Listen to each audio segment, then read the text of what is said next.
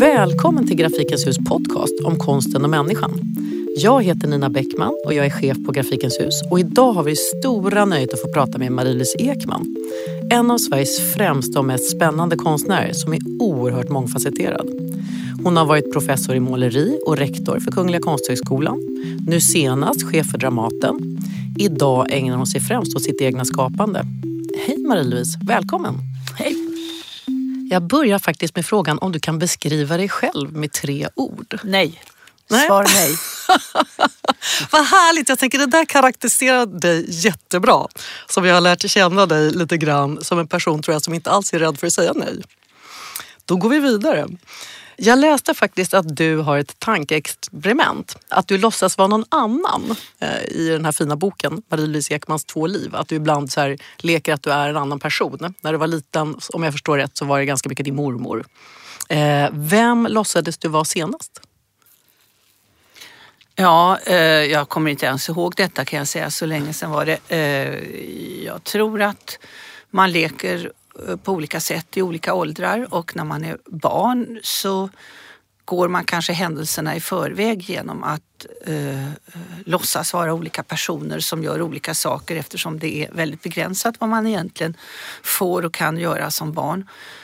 Och då är leken i eh, väldigt hög utsträckning en träning på vad man kanske vill göra och vad man tror att man kommer att hamna i för situationer.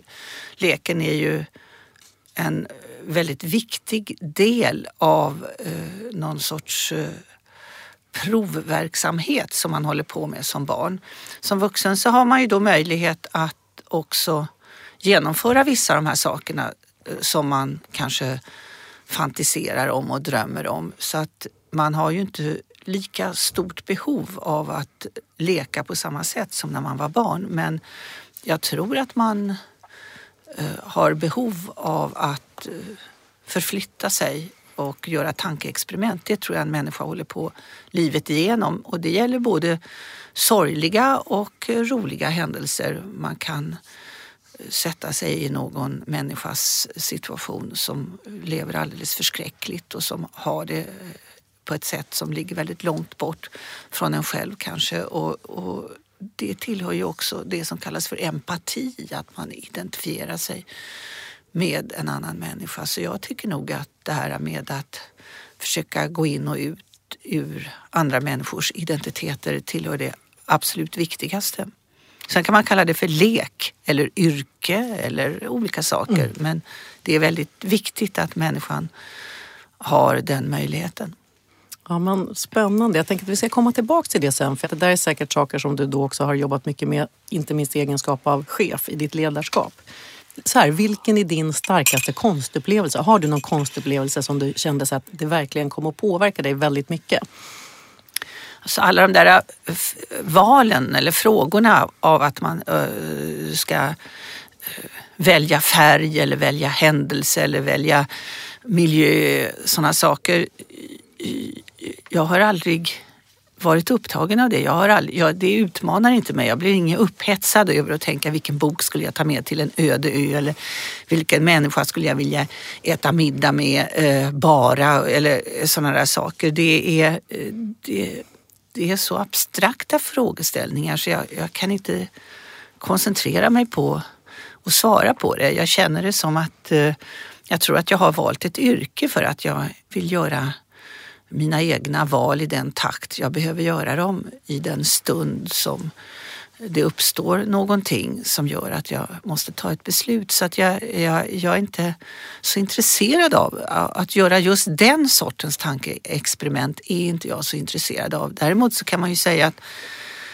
att väldigt, väldigt mycket man är med om påverkar en. Jag skulle vilja säga att allt blir man påverkad av och eh, det behöver ju inte vara en, en konstnärlig handling eller det behöver inte vara något som man säger nu gick jag in på en utställning och påverkades för livet av just denna. Jag tror att jag har blivit väldigt påverkad av att gå på varuhus eller befinna mig i folksamlingar eller vara med barn på daghem och höra hur de pratar med varandra eller tilltalar mig. Jag tror att väldigt, väldigt mycket, för att inte säga det mesta i tillvaron, ligger kvar i en och påverkar en väldigt starkt. Sen är det ju så att eftersom jag sysslar med konstnärlig verksamhet så är jag ju intresserad av, av hantverk på vissa områden speciellt. Jag tycker att det är intressant att se hur man löser vissa frågeställningar hantverksmässigt eh, eftersom jag då håller på inom vissa yrkesområden. Och, och det kan ju då hjälpa en att, att försöka härma de här personerna eller att ta avstamp från dem. Och så har jag ju påverkats på det sättet. Men eh, om jag skulle sätta upp något och säga det här har påverkat mig mest av allt så tror jag att jag skulle säga att det är väldigt mycket jag har blivit påverkad av. Dock inte kanske primärt som ung av att gå på museer eller utställningar. Jag blev rätt skadad av skolgången tror jag. Jag, jag har haft väldigt svårt sen som lärare, professor själv, att ta med mig mina elever till sådana här institutioner. Eh, man får lätt ångest av att känna trycket eh, från det förgångna och trycket på att man ska vara beläst eller lärd eller kunnig eller sådana saker. Så jag har försökt att utvinna någon sorts energi ur andra områden. Vilken underbar lärare att ha. Alltså jag tänker om man har lite den läggningen att man kanske just tycker att det är, som jag tänker ganska många människor kan tycka när de kommer in på museer, att man känner sig liten, man känner sig kanske okunnig. För vissa är det ju en väldigt hemmavärld, men för många inte. Det måste vara väldigt härligt med en professor som också har lite en sån erfarenhet och inställning. Gick ni inte på museer då? Eller hur, när du jobbade på Konsthögskolan till exempel? Det gjorde vi väl säkert, eh, eh, men jag tror inte alls i samma utsträckning som mina kollegor gick med sina elever på utställningar eller museer. Jag försökte nog hitta på anledningar till att inte behöva det. Sen kan man ju säga, man kan ju titta i svartvita konstböcker också eh, och se någon dålig återgivning av en målning för att se vad uppehöll sig den här konstnären vid, vid det här tillfället för att bara få någon sorts idé om hur någon annan har löst någonting. Det är ju, jag tycker att det är svårt överhuvudtaget, tycker jag även idag, att ta del av vad andra har gjort. Jag menar, är det väldigt, väldigt bra så så känner man sig lätt förminskad och är det väldigt, väldigt dåligt, ja då kan man ju i bästa fall få väldigt bra idéer och känna så där ska jag i alla fall inte göra. Men eh, vad man försöker göra som jag tror är viktigt är att skaffa sig en egen relation till det man ser. Att man försöker att eh, se vad spelar jag för roll idag? Vad spelar den här för, personen för roll idag? Vad spelade den för roll förut när den gjorde det? Och då kommer man ju in på något helt annat, nämligen då kommer man ju in på en person som kanske eh, drevs av en kraft på grund av sin egen eh, situation. Jag menar, tittar jag på Botticellis eh, Venus födelse så är den ju totalt omöjlig att förstå idag därför att alla saker i den målningen eh, ska kodas av från den tiden när det gjordes. Det betyder någonting att molnen finns där de finns, att hon håller något i handen eller att alla de här sakerna som finns med. Tittar man bara på den idag och ser den som en målning och ser en naken tjej i en snäcka macka med en himmel bakom och lite blommor som hänger i himlen så, förstår man, så tittar man på den på ett annat sätt än om man börjar ta reda på vad Botticelli levde i för tid och vad han antagligen eh, hade för undertext kan man säga till den här målningen. Och det där har ju med åren eh, blivit mer och mer intressant för mm. mig. Det här med att fatta undertexterna. Jag tror att jag håller på väldigt mycket med det i mitt eget måleri. Att försöka koda av vad det är som egentligen händer. Mm. Men i början så blir det ju så att man tittar, man tittar på ytan. Och den har ju sina poänger men den har också en, en vägg där du inte kommer vidare. Och så är det ju med människor också. Mm. Man ser en yta som är snygg eller ful ja. och sen kan man ju välja om man vill gå in bakom den där eller inte. Gå närmare eller inte, förstå mer eller inte. Den här podcasten heter ju Grafikens hus, konsten och människan. Och mycket av frågeställningarna handlar om vad Grafikens hus ska komma att bli. Det är nästan som ett slags undersökande för vår del med nya Grafikens hus när vi bygger upp det. Men också en nyfikenhet på hur man har blivit den man är egentligen. Jag blir så nyfiken på din uppväxt. Du sa till exempel att skolan, du gillade inte det där och jag vet ju att du är liksom självvärd till stor del. Har du lust att berätta lite om din bakgrund? Nej. jo, snälla då! det finns ju som du sa en bok att läsa. Nej, men gud vad tråkigt. Eh, liksom, nej, trist att prata om den. Men okay, det var kan... faktiskt ganska länge sedan så att jag känner så här, gud vad jag ska sitta och minnas. Okay.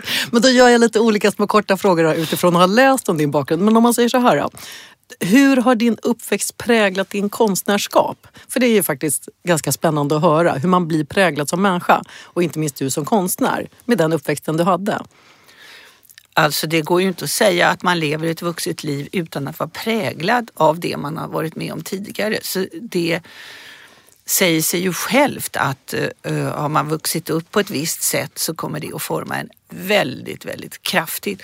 Och sen gäller det ju också att i en viss ålder, säg vad det är, sena tonår, 20-årsåldern, när man då tar, de flesta tar språnget och lämnar sina föräldrar, sitt barndomshem, eh, skolor etc. Så, så gäller det ju då att börja skaffa sig ett eget facit, egna ben att stå på. Det är ju det som händer och då kan man ju börja i alla fall och titta bakåt och se vad ska man ta med sig som positiva minnen, vad ska man ta med sig som sådant som man inte vill upprepa själv. Jag tror att de steg man tar då är i väldigt, väldigt hög grad i förhållande till det man har varit med om. Eh, en del människor vill ju upprepa sina föräldrars eller sina förfäders beteende. Andra vill komma så långt bort från det som möjligt. Mm. Och, och det där handlar ju såklart om ens uppväxt. Så att det är ju alldeles självklart att, att mitt vuxna liv är ju format av min bakgrund och det jag kommer ur. Och eh, jag håller ju fortfarande på och skriver om eh, numera väldigt mycket min mamma. Eh, jag har ju uppehållit mig mycket vid min pappa tidigare men sedan många år tillbaka så håller jag ju väldigt mycket på med min mamma. Och det är ju också för mig idag ett sätt att fortsätta att umgås med henne. Jag håller just nu på och skriver en pjäs eh, som handlar om henne och eh, eh, jag tycker det är oerhört njutbart. Jag får på det sättet vara med min mamma varje dag fastän hon då gick bort för 10-11 år sedan. Och det är mitt sätt att få fortsätta uh, ge henne evigt liv. Uh, och det tycker jag är härligt. Mm. Uh, så ens bakgrund, den finns ju alltid där. Jag håller med. Väldigt eh, sant konstaterande. Är det någon sån här sak när du växte upp som, jag tänker vi alla har ju ofta så här, så där ska jag inte jag göra som förälder. Vet, man får, som du säger, ibland, vissa saker vill man ändra, andra tyckte man var bra. Kan du komma ihåg när du var liten att vara så här, jag ska minsann inte göra så där när jag blir stor? Har du något sånt minne? Ja, alltså det är ju, eh, det eh, tror jag väldigt mycket. Sen kanske mina barn skulle säga en massa saker som de inte gillar, som de i sin tur säger det här ska jag inte göra med mina barn som de har. Men eh, jag kommer ihåg att eh, så länge jag kan minnas tillbaka så längtade jag alltid efter att bli vuxen för att just få ta mina egna beslut. Och det hängde ju väldigt mycket ihop med att jag hade en fantasi om någonting annat för att lite knyta an till det. Jag, jag, nu blir det att jag har läst massa citat av dig. Så jag, det mm. blir lite, jag var också i dåtid. Men, men jag tänker att vi också självklart rör oss framåt. Men då har, har du sagt en gång, jag analyserar absolut ingenting ur mitt förgångna. Utan sysslar med förträngning. Ju mer jag läste om dig och satte mig in, jag sa det när vi träffades idag, att jag har liksom levt i Marie-Louise Ekman-världen här några dagar. För mig blir jag mer fascinerad över att du har en enorm självinsikt tycker jag. Jag blir så nyfiken på hur det hänger ihop med att då om man tycker att man inte analyserar. Upplever du så idag också att du inte analyserar ditt förgångna? Jag tror att jag är en rätt så analytisk människa överhuvudtaget. Jag tror att jag analyserar det mesta. Men jag har inget behov av att gå in och titta på mig själv i någon sorts psykoanalytisk eh, situation. Däremot så har jag ju skrivit väldigt mycket som man kan säga, det där är ganska självbiografiskt. Både pjäser och eh, filmer och eh, målningar. Jag kan ju titta och se, ja, där skaffade jag första barnet, där skaffade jag andra barnet, där gifte jag mig, där skilde jag mig. Jag kan ju titta och se att det jag har fått ur mig är i förhållande till det liv jag har levat och därför är, finns det också vissa saker som överhuvudtaget inte finns med. Antagligen för att jag inte har varit med om sådana saker i mitt liv. Så att jag, jag är ju en, vad jag förstår idag, en rätt så självbiografisk person, vilket jag inte förstod tidigare. Och det är mitt sätt att analysera kan man säga.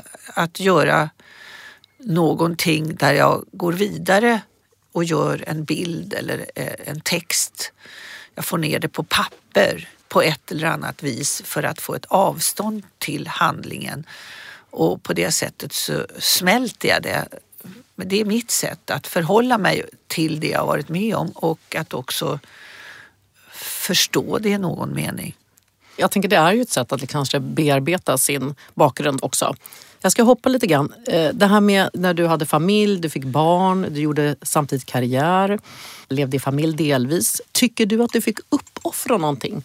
Var det svårt att förena alla de här bitarna? För det pratar man ju väldigt mycket om idag, att det är så många saker man vill. Jag har aldrig haft känslan av att jag har uppoffrat någonting. Jag eh, har såklart varit med om arbetsamma situationer och jag har varit stressad och jag har sovit lite och jag har jobbat mycket och olika sådana här saker som man gör i olika faser när man håller på och ska få olika saker att ske samtidigt. Men att jag skulle uppoffra någonting, den känslan har jag aldrig haft. Eller att jag har gjort något som jag inte har velat göra, den känslan har jag heller aldrig haft. Jag, jag har nog försökt se det som att det har funnits en mening i att saker och ting har sett ut på ett visst sätt och att eh, man måste också göra vissa saker ibland för att vi få det till att bli av. Sen går det ju alltid efteråt att säga du skulle ha gjort på ett annat sätt eller jag skulle ha uppfört mig på ett annat sätt. Det är ju väldigt lätt att säga så efteråt och jag vet inte med vilket facit, vid vilken tidpunkt man då ska rätta sig efter. Jag tror att man får bestämma sig för att vara så konstruktiv man kan i den stund man befinner sig. Ja, för I det så vill jag haka på också att jag eh, uppfattar dig som en person som är väldigt fri från, det tycker jag lite du pratar, ringar in nu, väldigt fri från skuldkänslor. Jag undrar också om det är i relation till, alltså till dina barn. Jag vet att i den här boken pratar du delvis om din mamma. Jag kan känna igen det där själv att eh, ibland har mödrar haft en benägenhet att få barn att känna skuld. Men du verkar stå så fri från det. Jag blir så nyfiken på hur du har lyckats med det och om det är så om jag skulle vara i närheten av det så försöker jag omedelbart att äh, arbeta bort det därför jag tycker att det fungerar destruktivt. Jag är en som är väldigt medveten om att man har en viss sorts utmätt kraft och den kraften får man ta hand om. Och om man förlorar sin kraft då har man inget som helst kapital kvar. Det, eh, lusten och kraften hänger ihop och om man inte har den då tappar man allt och ibland är det ju så att man tappar den. Det är klart, eh, man, kom, man får en svacka, man känner jag skriver inget bra längre, jag målar inget bra längre, jag är inget viktig för min omgivning längre. Det är klart att sådana saker finns eh, upp och ner hela tiden. För vissa människor tar det kanske en vecka eller en månad eller ett år att komma ur de där äh, djupen, de där hålorna man hamnar i. Jag har ju då inte hamnat där mer än kanske några timmar eller en halv dag, en dag kanske två. Men jag menar, det är klart att jag får sådana där medvetanden där jag känner vad gagnar detta? Var, varför ska jag göra det här? Eller vem bryr sig eller eh, vad har jag gjort av, av den här relationen? Det är klart att man har eh, både positiva och negativa eh, fantasier och, och, tankar i sitt huvud. Jag är ju inte någon som bara befinner mig i en sorts landskap hela tiden. Så är det ju inte men jag tycker ju att det är viktigt att känna att man skall uträtta något. Jag tror att jag på det sättet är en sorts tävlingsmänniska i tillvaron där jag vill känna att jag inte tar mer än vad jag ger utan jag vill jag vill att det ska betyda någonting att man lever en dag och två dagar och tre dagar och fyra dagar. Och, och då måste man vara väldigt medveten om sin kraft för att orka det för att det är jobbigt i alla fall. Och därför så försöker jag väl att motarbeta när man känner sig som att man får någon sorts kulspruteeld av onda tankar eller onda fantasier. De kommer ju med jämna mellanrum såklart men man kan försöka att förhålla sig till det på något sätt. Det låter konstruktivt. Jag Visst tänker, låter det bra? jag, jag tänker så ja. det är bara att gratulera. Ja. Vi ska förflytta oss lite till grafiken. För det är ju någonting som du har sysslat med genom åren. Är, är det någonting som du tycker gör grafiken unik? Alltså första gången jag gjorde grafik, jag vet inte om det var allra första gången, men när jag var gift med Karl Johan så hade vi ju ett skrintryckeri på Norrlandsgatan i ett gammalt medeltida hus som låg över gården. Tillhörde allt det där som man rev. Helt, jag har ju sett bilder idag på hur det såg ut på den där kullerstensgården och med det där gamla huset som revs. Om man tittar på husen som står där idag så är de inte kul kan jag säga. Mm. Helt undligt hur man får för sig att riva sådant. Men där i alla fall utan värme och vatten hade vi hyrt in oss för en liten penning och hade ett litet eh, skrintryckeri. Jag tror att det var första gången jag gjorde eh, no någonting sådant och då, det kan ha varit 66 eller 67. Och sen eh, har, jag varit väldigt förtjust i att syssla med skrin just och, eh, och det är ju för att jag menar, har man en, en bra idé till bild och sen bara kan trycka den hur mycket som helst, hur mycket som man orkar och sen sälja den för en ganska billig penning så är ju det helt makalöst sätt. Och detta höll man ju på och pratade väldigt mycket om på 60-talet, att man ville göra konst som skulle vara billig och som skulle vara i höga upplagor och som alla skulle ha råd med. Jag tittade i någon gammal eh, så här, papper från någon gammal utställning där jag sålde, tror jag sålde för 20 eller 25 kronor kostade mina första tryck som jag gjorde på tidigt 70-tal. Ja, så att jag, är, jag, är, jag är kvar där kan jag säga att jag har jag tycker att det verkar idiotiskt att när man har en tryckteknik att göra unika exemplar delvis handmålade och i en upplaga på fem eller sex, då kan jag tycka, då är det ju bara gjort för kommers. Jag tycker att det ska vara Själva poängen med en grafisk upplaga är att den ska vara stor och att den ska vara till för många människor och helst så billig som det bara går.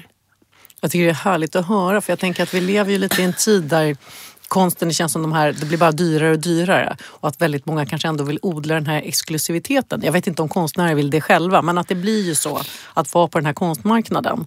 Tycker du det är skillnad på 60-70-talet mot idag? Det har jag ingen aning om eftersom Nej. jag har jobbat inom så många olika eh, områden. Eh, så att jag har, ingen, jag, har, jag har ingen aning om eh, priser och sånt idag. Eh, jag håller ju nu på och målar och tänker så småningom ha en ny utställning och den tråkigaste delen av detta är ju när man kommer till, jaha vad ska det sen kosta och allt där. där. Jag tycker det är jättetråkiga tankar så det håller jag ifrån mig.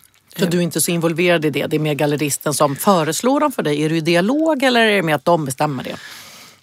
Tror du att man ställer ut där ett galleri bestämmer? Det är klart att man bestämmer själv men ja. man har en dialog. Ja. Och det är ju så att gallerier tar då en viss procent och sen är det ju så för de flesta konstnärer att de kanske ställer ut eh, sig, i alla fall när de blir lite äldre. I början ställer man kanske ut varje år, vartannat år. När du blir äldre gör du ju inte det. Och och då om du ställer ut sig vart fjärde eller vart femte år, ja då ska du ju få in en inkomst för fem år. Och sen ska du betala en, en galleriprovision. Så att det är klart att priserna blir därefter. Det är ju, eh, är ju, är ju så. Mm. Jag tittade efter och såg att en målning som jag gjorde hade på en utställning tror jag på Galleri Helan, den heter Striptease. Den sålde jag då, jag tror att det var 73. Den sålde jag för 4 000 kronor. Den gick på Bukowski nu eh, för, jag tror uppemot en miljon kronor inklusive Bukowskis eh, då, eh, procentsats som de skulle ha. Hur Jag fick, tänker du när du hör jag fick det? mer pengar nu för den därför att man får 5 procent som konstnär när det är auktioner. Jag fick 50 000 för den eh, så jag fick mer nu än vad jag fick när jag målade den. Det är helt galet att också se den utvecklingen. Men du, alltså, hur tänker du när du hör det där? Och att man, och att då får du då 5% i den här tavlan som har varit liksom din från 4 000 till en miljon. Alltså det är ju hisnande. Ja. Tänker man på det ens eller känner man att det där orkar jag inte tänka på? Ja, det är ju lika bisarrt som väldigt mycket annat i tillvaron. Titta på hur hyresmarknaden ser ut, bostadsmarknaden och olika sådana saker. Så att det är ju absurt, bisarrt, sinnessjukt skulle jag vilja säga. Tyvärr har ju inte människors löner gått upp på samma sätt. Eh, man tittar på undersköterskor som vill ha sina löner som är en av de viktigaste grupperna på ett sjukhus och eh, de får slåss för några hundralappar. Det är ju alltså, så ser också vår värld ut. Eh, så det, det, det är mycket som är snurrigt. Mm. För att hålla sig kvar lite i grafiken eftersom det ligger mig väldigt varmt om hjärtat. Vad skulle du vilja göra för grafik i framtiden? Om du liksom gjorde grafik, nu har du ju gjort med Grafikens hus, fantastiska grafiska blad. Men om du fick så här, tänka fritt, vad ser du framför dig då? Jag tycker att jag tänker fritt. Vad det sen ger för resultat är ju en annan sak eh, och det är svårt att tänka fritt. Men eh, jag har inga sådana fantasier eh, vad jag skulle vilja göra som jag går och, och planerar för. Jag gör det jag vill hela tiden och försöker få ur mig det jag vill. Det är inte så där jättelätt men eh, jag försöker att eh, få någon sorts kontakt med något underjordiskt, undermedvetet i mig själv.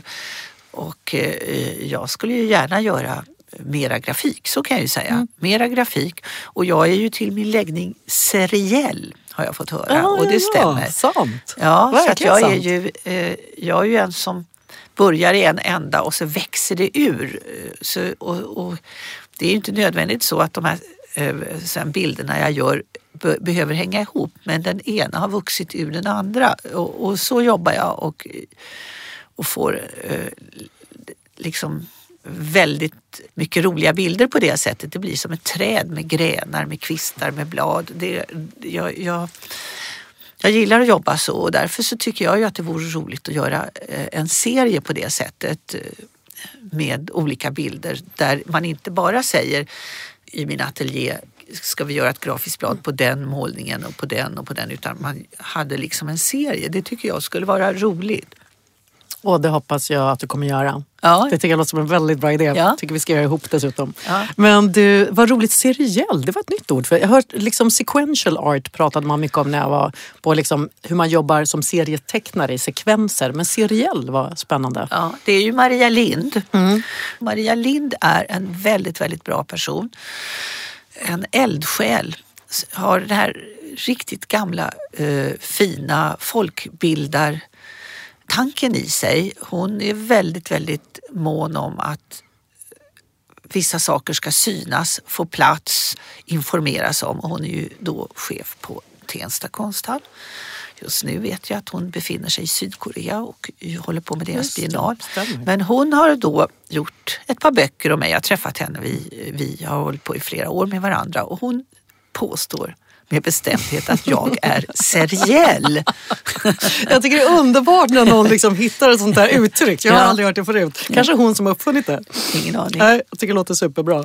Du, färg, det är ju någonting när man tittar på dina målningar. Jag var ju och hämtade dig nu i din ateljé och till att börja med så, det har jag sagt till dig någon gång förut, så det är så fantastiskt att komma dit. Dels eh, att vara bland de här målningarna i din värld men också alla saker du har i hyllan och så vidare. Men det, jag tänker att du har ett väldigt speciellt förhållande till färg. Ja. Vill du berätta? Jag vet inte vad jag ska berätta om detta. Eh, Ja, det är jag olik någon annan där. Alla har ett speciellt förhållande till, till färg, jag, jag, jag vet inte. Jag, Nej, jag tänker att många skulle kanske beskriva det som ganska färgstark.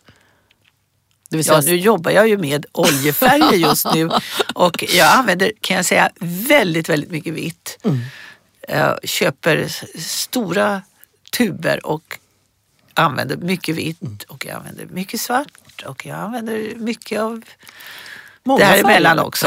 Så jag kan säga, eh, jag har en strykande åtgång på olika färger ja. eh, som går åt till målningarna. Ja. Ja, det kanske är en platt fråga. När man ser dina grejer så vill man gärna prata om färg. För jag vet också i den här, nu kommer jag tillbaka lite till den här boken, men det är så fint. Där är en lång lista där det står så här, mina älsklingsfärger. Och så tycker jag framförallt att du har beskrivit färgerna så fint. Att de heter mjölkfärg, eller lingon och mjölkfärgen, sandfärgen, mjölkgult. Alltså det är väldigt sådär, när de listas på det sättet, än bara rött, så är det blodrött. Så vet man ju precis vad du menar.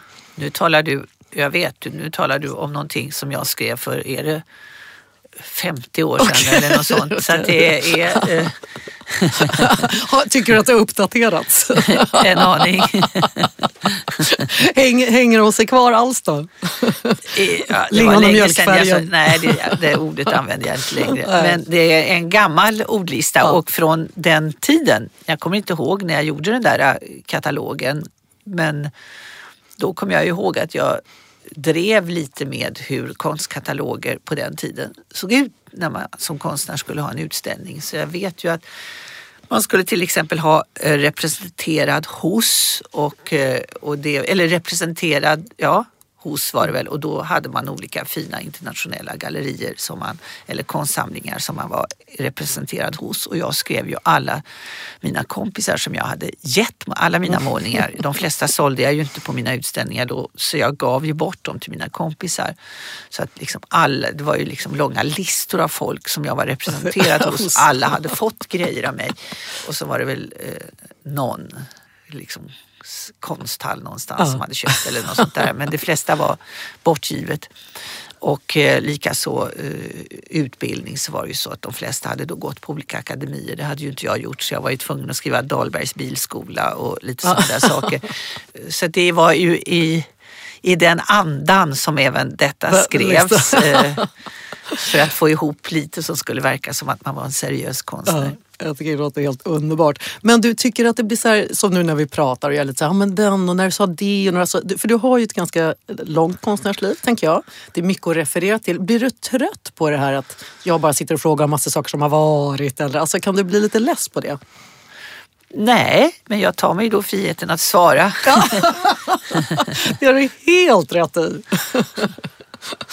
Jag bara, det, själv blir man ju när man som sagt går in i din värld, så blir man, jag blev i alla fall väldigt härligt fascinerad, det har jag varit länge. Men, men, så det är svårt att nästan lämna det där.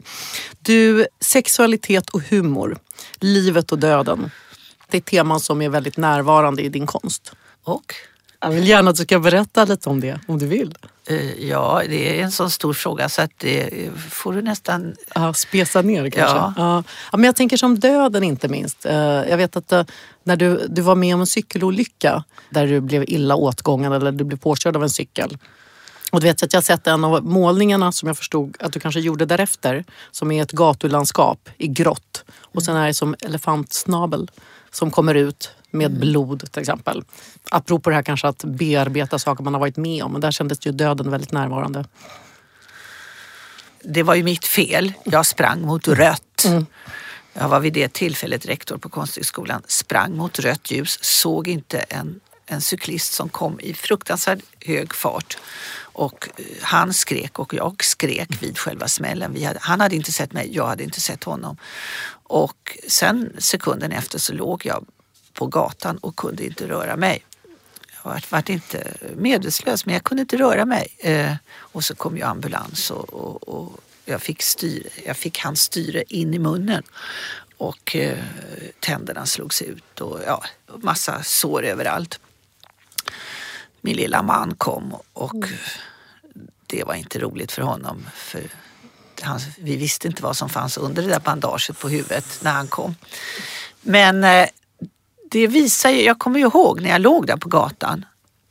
Jag såg ju folksamlingen och jag hörde eh, ambulansen komma och jag kunde inte röra mig. Och då kan man ju säga att det var ju ändå en liten cykelolycka. jämfört med allt som händer annars idag med bomber och granater och eh, översvämningar och, och, och alla möjliga sådana här katastrofer som sker. Det här var en liten cykelolycka. Han som cyklade på mig fick också någon tand liksom utslagen eller något sånt där. Det här var ju ingenting, men ändå så låg jag där och hade inte de här människorna hjälpt mig och ringt och hållit på så vet det sjutton vad som hade hänt. Mm. Så eh, skör är man också som människa. Att eh, man är i händerna på att det finns människor omkring en som agerar rådigt och som hjälper en. Det var väldigt tydligt. Sen var jag ju sjukskriven då. Jag fick ju hjärnskakning också. Så att jag var ju sjukskriven i ett par månader och fick inte röra mig det var ju under den tiden jag målade för jag tänkte fint, jag får inte röra mig, jag kan sitta och måla. Och då hade ju doktorn sagt du får inte anstränga dig. Jag tänkte nej men jag gör ju bara så här med handen. Och han sa du menar att du anstränger inte huvudet då alltså? Jag fick fruktansvärd huvudvärk nämligen och förstod då oj, det var första gången i mitt liv jag fattade, jag använder alltså huvudet. Jag använder hjärnan när jag målar, det hade jag aldrig trott. Jag trodde jag liksom rörde handen bara lite. Men det var, eh, det var faktiskt en stark upplevelse att vara så fullständigt i händerna på sin omgivning. Det var starkt. Eh, men eh, det har man väl varit med om ibland, att man mm. är i händerna på sin omgivning. Och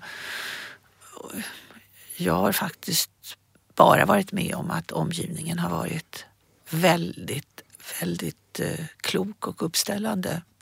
Kan det få dig att tänka på, för jag tänker idag är det ju väldigt många människor som är sköra och eh, kanske inte alltid har ett stöd från sin omgivning. Jag tänker på liksom alla de eh, migranterna som kommer, ja, men liksom hur världen ser ut idag. Liksom drar du, kan du koppla vidare så själv i dina tankar? Ja, självklart mm. är man ju fruktansvärt berörd över, över hur andra människor har det. Mm. Eh, väldigt berörd är man ju av detta. Jag tror inte att någon idag inte är berörd av det. Det är ju, det är ju någonting där man känner att eh, det finns ibland gränser för hur mycket man ska informeras om när man inte på samma gång vet vad man kan göra för att få bidra konstruktivt. Det finns ju någon sorts gräns eh, för hur mycket man kan ta in om man, om man till exempel ser en, en dokumentär på tv om eh, en familj som har kommit som eh, asylsökande och som sen ska tvingas flytta vidare till en annan stad på grund av olika omständigheter precis när de små barnen har funnit sig till rätta efter att ha varit traumatiserade. Att bara följa detta och sen är programmet slut, det kan jag tycka är snudd på omoral att inte det programmet mynnar ut i någonting för oss som tittar på det. Alltså, det blir en väldigt, väldigt frustration att ta del och eh, komma så nära människor och sen så ja, sen blir det väderleksrapport mm. efter det och sen blir det kanske en melodifestival, vad vet jag. Och, och eh, så blir det bara som något allmänt eh, spel. Tror du att det för vissa i den där frustrationen också kan leda till i och för sig, för jag tänker det finns ju en del ganska så fina initiativ också, eller fina men väldigt bra initiativ för just att människor kanske blir så frustrerande. Vad kan vi göra? Idag finns det till exempel något som heter invitationsdepartementet där SFI samarbetar med att du kan bjuda hem de som går där på middag hemma hos dig. Ett sätt att öppna sin egen dörr. Ja, det har kommit flera sådana där väldigt bra initiativ som kanske också föds ur den där frustrationen än om någon hade berättat. Mm. Eller, men skulle du hellre vilja att det var lite mer så här, att man fick lite råd i hur man kunde förhålla sig? Jag kan inte säga precis och säga det är det här för då skulle jag inte Nej, liksom säga som jag sa. Ja. Eh, alla människor kan inte på grund av olika mm. orsaker utöka sitt ansvarstagande eh, genom att säga någon flyttar hem till mm. mig, någon mer äter med mig. Alltså, det finns också psykiska orsaker mentala, praktiska mm. orsaker till att eh, olika människor lever på olika sätt och drar de slutsatser de gör för hur mycket man kan gå in och hjälpa sin omgivning. Mm. Såklart, jag tror att de flesta människor är väldigt konstruktiva och vill hjälpa till. Så det finns olika sätt. Mm. Och jag tycker att alla konstruktiva initiativ är bra. Jag kan bara säga att rent allmänt att det är svårt att ta in för mycket negativ information utan att få liksom veta hur, hur kan man göra? Jag menar, jag skulle till exempel, om jag sa jag ska nu följa eh, den här lilla pojken som har kommit hit och se hur han har det. Jag skulle ha väldigt, väldigt svårt att sen säga och nu är mitt program slut här. Och det blir samma sak för mig när jag tittar på det och därför så skulle jag ju, när man gör sådana saker så tycker jag ju att man, man har som en som följer det ett behov av att, att det ska få någon sorts konsekvens för en. Vilken den sen konsekvensen är, det vet inte jag riktigt. Där får man ju då hoppas också på att det finns ett ledarskap i landet som är så pass kloka så att de tar beslut som är bra för alla medborgare i det här landet. Eh, Och eh, det är väl den diskussionen som alla håller på med idag. Det här är ju jättesvåra saker. Jag, jag kan inte säga att jag är mer insatt än någon annan. Jag följer detta på smärtsamt håll kan jag säga. Och jag, jag försöker göra mitt bästa i min tillvaro. Du, jag ska hoppa tillbaks till eh, också det, inte minst ditt jobb eh, som konstnär. Hur, hur ser en arbetsdag ut för dig? Och det ser väldigt olika ut. Ja. Men jag, eh, i bästa fall så är jag nere i min ateljé vid 11, halv 12 tiden och sen håller jag på till 7, halv 8. Mm. Och där kastar jag mig mellan olika eh, händelser och bord och olika saker. Ja. Men det, det är mitt centrum för Ja. min verksamhet. Blir miljön runt omkring dig väldigt viktig? Var det om, I ateljén menar du? Ja, för ditt skapande? Eller kan, är du på olika ställen beroende på om du skriver eller om du målar? Absolut, Eller? Mm. absolut. Jag har olika arbetsvinklar i ateljén. Men du sa faktiskt på vägen hit, du lyssnar aldrig på musik eller radio när du jobbar. Nej, Nej. Är det för distraherande? ja. Mm. Det är tillräckligt jobbigt när det är tyst. Nej, jag måste... Jag har sen, tror jag, barndomen koncentrationsproblem. Eh, ja, det är svårt. Det är ju inte säkert att bara för man bestämmer sig för att man varje dag vid en viss tidpunkt ska sitta och skriva. Det är inte säkert att man kommer nära det man ska skriva eller att det blir något bara för att man gör det varje dag. Men man måste ändå skapa en rutin att göra samma sak ungefär samma tid varje dag och det måste hålla på ända till dess att du är färdig. Och det är så det ser ut och, och det tar sin tid att bli tillräckligt koncentrerad. Det, jag tycker att det är en fråga om koncentration och att fokusera och att man inte drivs av en vilja. För viljan kan också vara behagsjuk eller man kommer in på sin omgivning, vad, vad den förväntar sig eller vad man själv förväntar sig av sig själv. Alltså det finns en massa störning omkring en som äter sig in på en tusendels sekund där man blir medveten om sina handlingar. Då blir det genast väldigt, väldigt tråkigt. Utan att uppnå den där koncentrationen där man inte iakttar sig själv eller, eh, eller är till för vare sig själv eller någon annan. Det är svårt att beskriva men det är, eh, det är väldigt, väldigt svårt och det tar tid. Och när man känner att man kommer i kontakt med något och det händer någonting bortom ens vilja, då blir det riktigt, riktigt roligt. Det här ordet behagsjuk har jag hört dig använda förut. Jag tycker det är ett väldigt bra ord. För att det här att vara till lags. Jag tänker att väldigt mycket idag är ju också att bli bekräftad, att vara till lags. Och jag upplever faktiskt att du är motsatsen. Upplever du så själv? Har du väldigt lite av det, att vara behagsjuk? Eller tycker du själv att du har en del som du jobbar med? Nej, jag är, nog eh, också har en eh, såklart en, en eh, läggning att vara behagsjuk. Man känner ju vad andra människor tycker om och så vill man att de ska tycka om en eller man vill bli bra benämnd eller man vill få bra eh, kritik eller bli populär. Det, eh, alltså, det ligger ju i sakens natur att man vill allt detta. Och då är det ju så att för att någon människa ska uppskatta en så måste man ju uppföra sig på ett sätt som är unikt just för en själv, tror jag, och inte härma någon annan eller härma ett uttryck som ligger i tiden eller som någon annan skulle ha uttryckt bättre än en själv. Så att jag menar, det där är ju det där är ju sånt som, är, eh, som man kan vara både medveten och omedveten om men det finns en risk att man är behagsjuk. Ja, eh, jag också, självklart. Mm. Du, eh, I förra avsnittet så var ju Berang Miri här eh, och han har en fråga till dig. Vi lyssnar. Nu, Jesper ställer ju så filosofisk fråga och jag, jag, min fråga är lite mer så vardaglig utifrån hennes position i Dramaten. Um, jag skulle vilja ställa frågan, om du inte hade varit den du är idag, vad hade du velat göra? Liksom? Vad skulle du vilja syssla med om det inte vore det du gör idag? Alltså, vad skulle du vilja syssla med? Nej men det går ju inte att svara på. Jag har ju gjort det jag vill.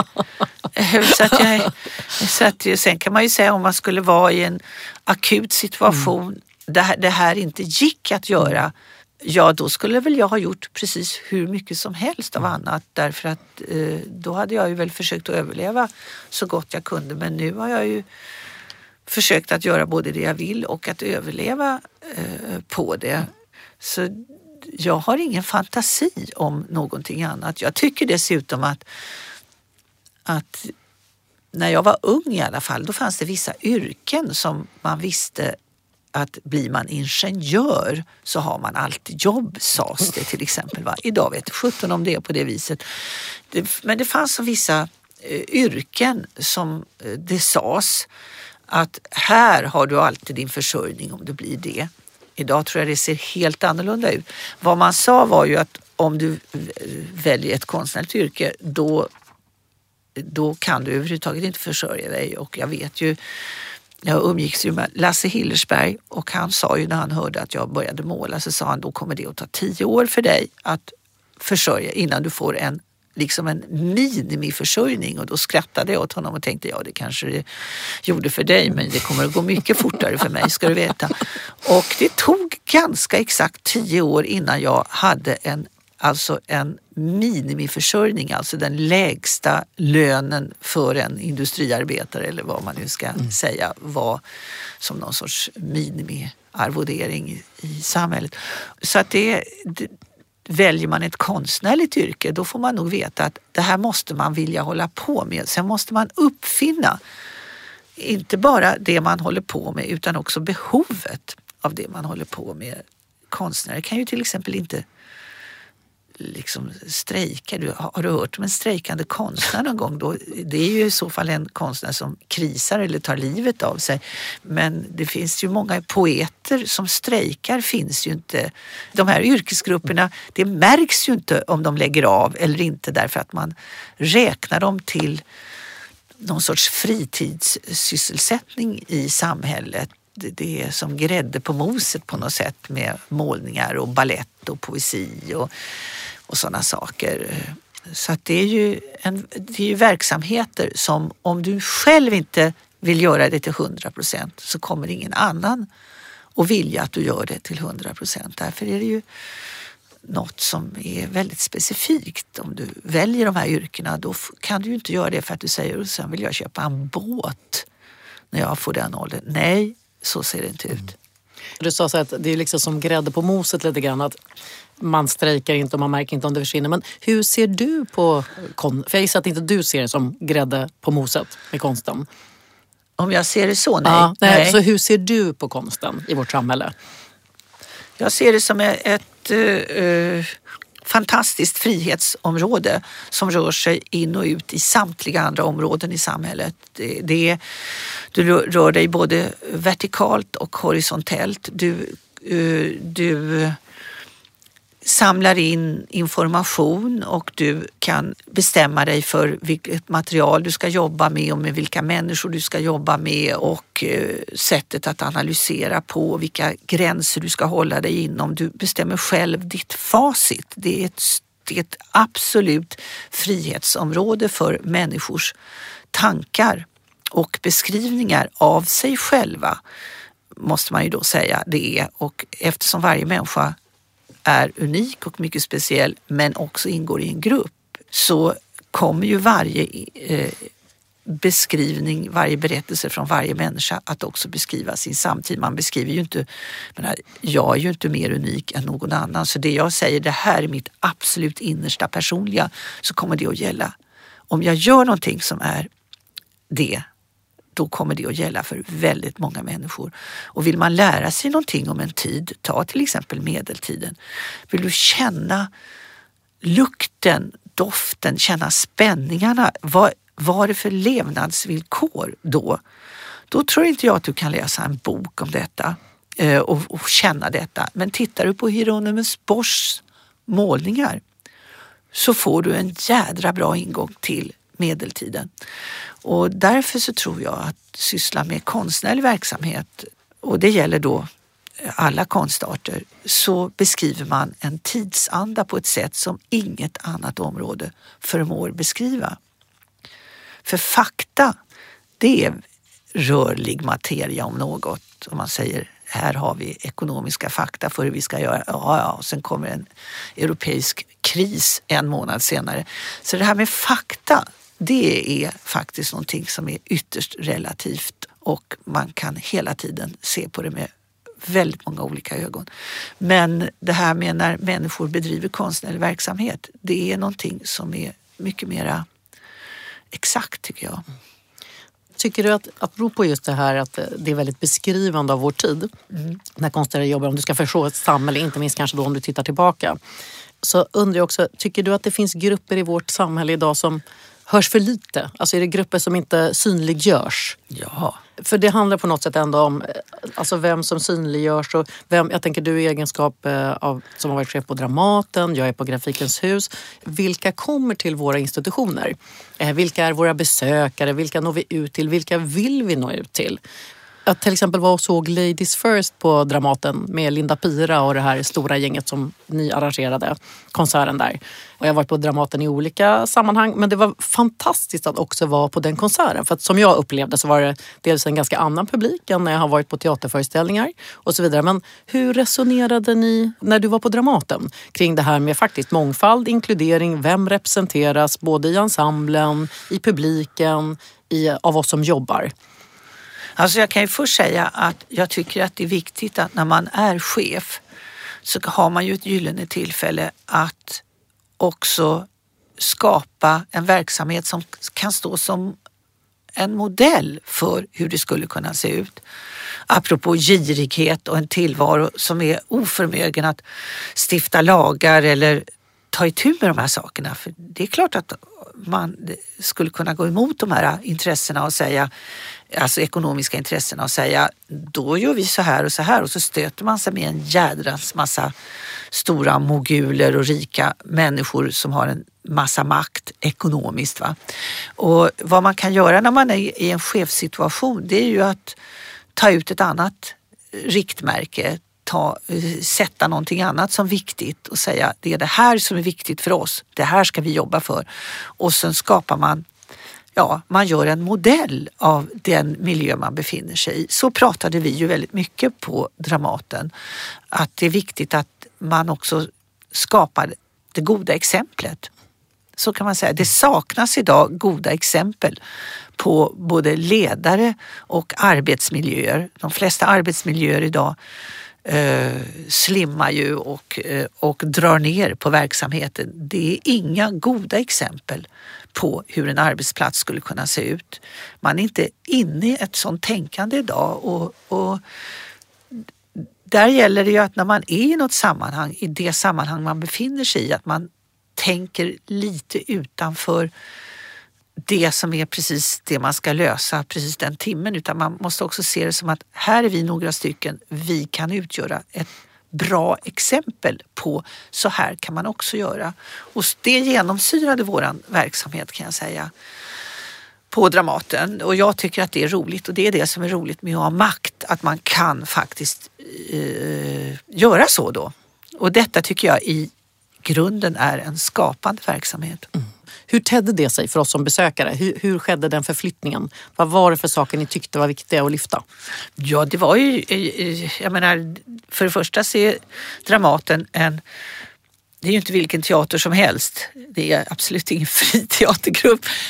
Men det är en nationalscen och det är väldigt roligt och ha de reglerna omkring sig. Att man säger så här, här finns det väldigt mycket människor som har mycket fantasier, mycket vilja, mycket åsikter om detta.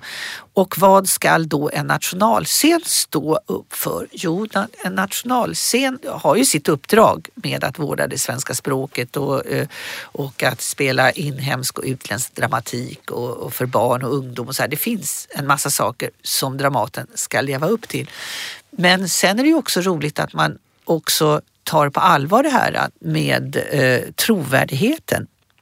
Om man säger alla människor på sin skattsedel är med och bidrar till, till Dramatens eh, verksamhet via skatten, ja då ska ju den verksamheten också ha någon sorts trovärdighet hos medborgarna. Alltså så måste man ta väldigt hänsyn till det som finns i landet just nu och då gäller ju det här med jämställdhet i, i allra högsta grad och eh, jämlikhet, jämställdhet, systerskap, mm. eh, alltså allt det här. Och sen kan man ju säga att det är ju inget som man ser från en dag till en annan utan det är ju någonting som man har som riktmärken och som man jobbar för. Alla förändringar tar alltid alltid längre tid än vad man tror. Men har man väl börjat gå åt ett håll så tror jag det är väldigt svårt att vända. Tycker du att den riktningen fortsätter nu när du har slutat? Det hoppas jag. Nu är ju inte jag insatt i Nej. hur man pratar där. Jag är inte i de rummen mm. längre. Jag har ingen aning om mm. detta men det är ju eh, väldigt bra personer som är där så att eh, det tror jag. Du, om du var chef på Grafikens hus, vad skulle du göra då? Apropå sådana här aning. saker. Detta, sådana här tankeexperiment. Om jag skulle vilja vara det så ja. skulle jag försöka se till att bli det tror jag. jag tror min... faktiskt du redan hade varit det. Okej, okay, men om man säger så här då, i egenskap av en väldigt eh, erfaren ledare, vad skulle du ge mig för råd som chef? Nu när vi ska bygga upp den här verksamheten. Vi är en väldigt liten verksamhet idag och vi ska växa. Ja, det är ju en väldig utmaning att, eh, att den gamla byggnaden till exempel har brunnit ner och att ni nu kommer att eh, ha nytt högsäte i Södertälje. Väldigt roligt. Det är ju en gammal kulturstad och har varit... När jag var ung så var ju Södertälje konsthall eh, ett väldigt viktigt ställe och det är ju en väldigt blandad befolkning i Södertälje. Roligt att det finns det finns så mycket som är både känt och okänt där. Det finns en blandning som är upphetsande tror jag. Och eh, ja, jag skulle ju satsa på att eh, inte hamna i någon fälla av vad är god konst och kvalitet på biennaler och mässor och sådana saker utan jag skulle ju utgå väldigt, väldigt mycket från att man är på det stället och också träffa många människor där så att man förankrar sig och får ett stöd i närmiljön där så att man får många som stödjer en när man är där så att man inte bara blir som en främmande fågel som man säger vi håller en viss kvalitet här som ni ska förstå och ta del av, ni som inte har den innan. För det finns lätt att människor tänker så på institutioner. Jag tror att man ska bredda utifrån de som är där och sen tror jag man ska försöka hitta nya former för att trycka billigt. Jag skulle nog försöka göra allt från att ge bort grejer gratis. Jag skulle försöka sprida så mycket jag kunde det som är poängen med grafik. Så jag skulle ha priser från noll öre och sen ha inte alls höga priser för att få människor att eh, ta del av den verksamheten på ett annat sätt. För man kan ju säga det som redan har gjorts har ju redan gjorts och där vet man ju eh, redan hur det har gått. Då skulle jag pröva nya strategier och göra på ett helt annat sätt så ofta jag kunde. Mm. Du, hur ser dina planer ut framöver? Får vi se någon utställning med dig eller liksom människor som är nyfikna? Du sa att du skriver också samtidigt på ett manus om din mamma. Är det någonting som man vet när det släpps? Eller? Nej, det, alltså, nu är min lyx att jag kan vara i min ateljé och jobba och jag vill behålla det så. Eh, jag tycker att jag har levererat och haft tidsramar och, och, och sådana saker i väldigt många år och nu vill jag ta det i min egen takt och eh, inte leverera någonting förrän jag själv känner nu är jag klar och då får det bli någonting. Men jag, jag bestämmer ingenting framöver sådär ännu. Det låter väldigt skönt. Jag, jag är jätteglad att du har gjort grafik med oss. Mm. Eh, just att bero på det här. Är, är det någonstans som, idag så är det så mycket att man följer personer via Instagram eller Facebook eller något sånt där. Ägnar du dig åt något sånt alls? Jag har ett privat Instagramkonto okay. som mitt barnbarn Elsa har installerat som bara är för barn och barnbarn oh. därför att hon studerar i Lund just nu och eh, och då för att vi ska ha kontakt med varandra via bilder så har hon lagt in det i min telefon. Så jag finns i, med mina närmaste. Jag har ännu inte orkat med detta extra jobb som det skulle vara att ha en kommunikation runt om sådär. Eh, men det kanske kommer, vi ja. får se. Ja, jag tycker det låter underbart sätt att faktiskt just eh, umgås med sina barnbarn. Det blir som ett slags bildalbum eller dagbok kan man egentligen säga. Men tack så jättemycket för att du ville vara med, Marie-Louise Ekman. Eh, otroligt glad att du sa ja till det här. Tack till alla er som lyssnar. Grafikens hus finns än så länge att besöka på www.grafikenshus.se. Ni kan gärna gilla oss på Facebook och på Instagram som vi då har som ett sätt att kommunicera. I nästa avsnitt så träffar jag konstsamlaren och företagsprofilen Larry Lexell som är huvudägare i Elekta. Med honom ska jag prata om hans passion för konst, vad som fick honom att börja samla de hundratals konstverk han idag har, hans samhällsengagemang som ordförande i Stadsmissionen och grundare av Lexell Social Ventures. Men Marie-Louise, har du någon fråga som du kan skicka med till Larry Lexell? Vi har ju träffats i arbetssammanhang mm. och eh, han har varit ett väldigt stöd för mig. Det är en väldigt rolig person, en skamlös person om man vill. Jag har ju uppsökt honom när jag har velat få svar på vissa frågor eller hjälp. Så jag måste säga, eh, här får jag ju konstruera någonting som är för någon annan än mig. För när jag behöver svar till något då, då skulle jag i så fall höra av mig till honom. Men jag tycker att han skulle ge dig och Grafikens hus ett gott råd. Vad är hans bästa eh, råd till det nyöppnade Grafikens hus i Södertälje? Mm. Superbra. Den tar jag med mig.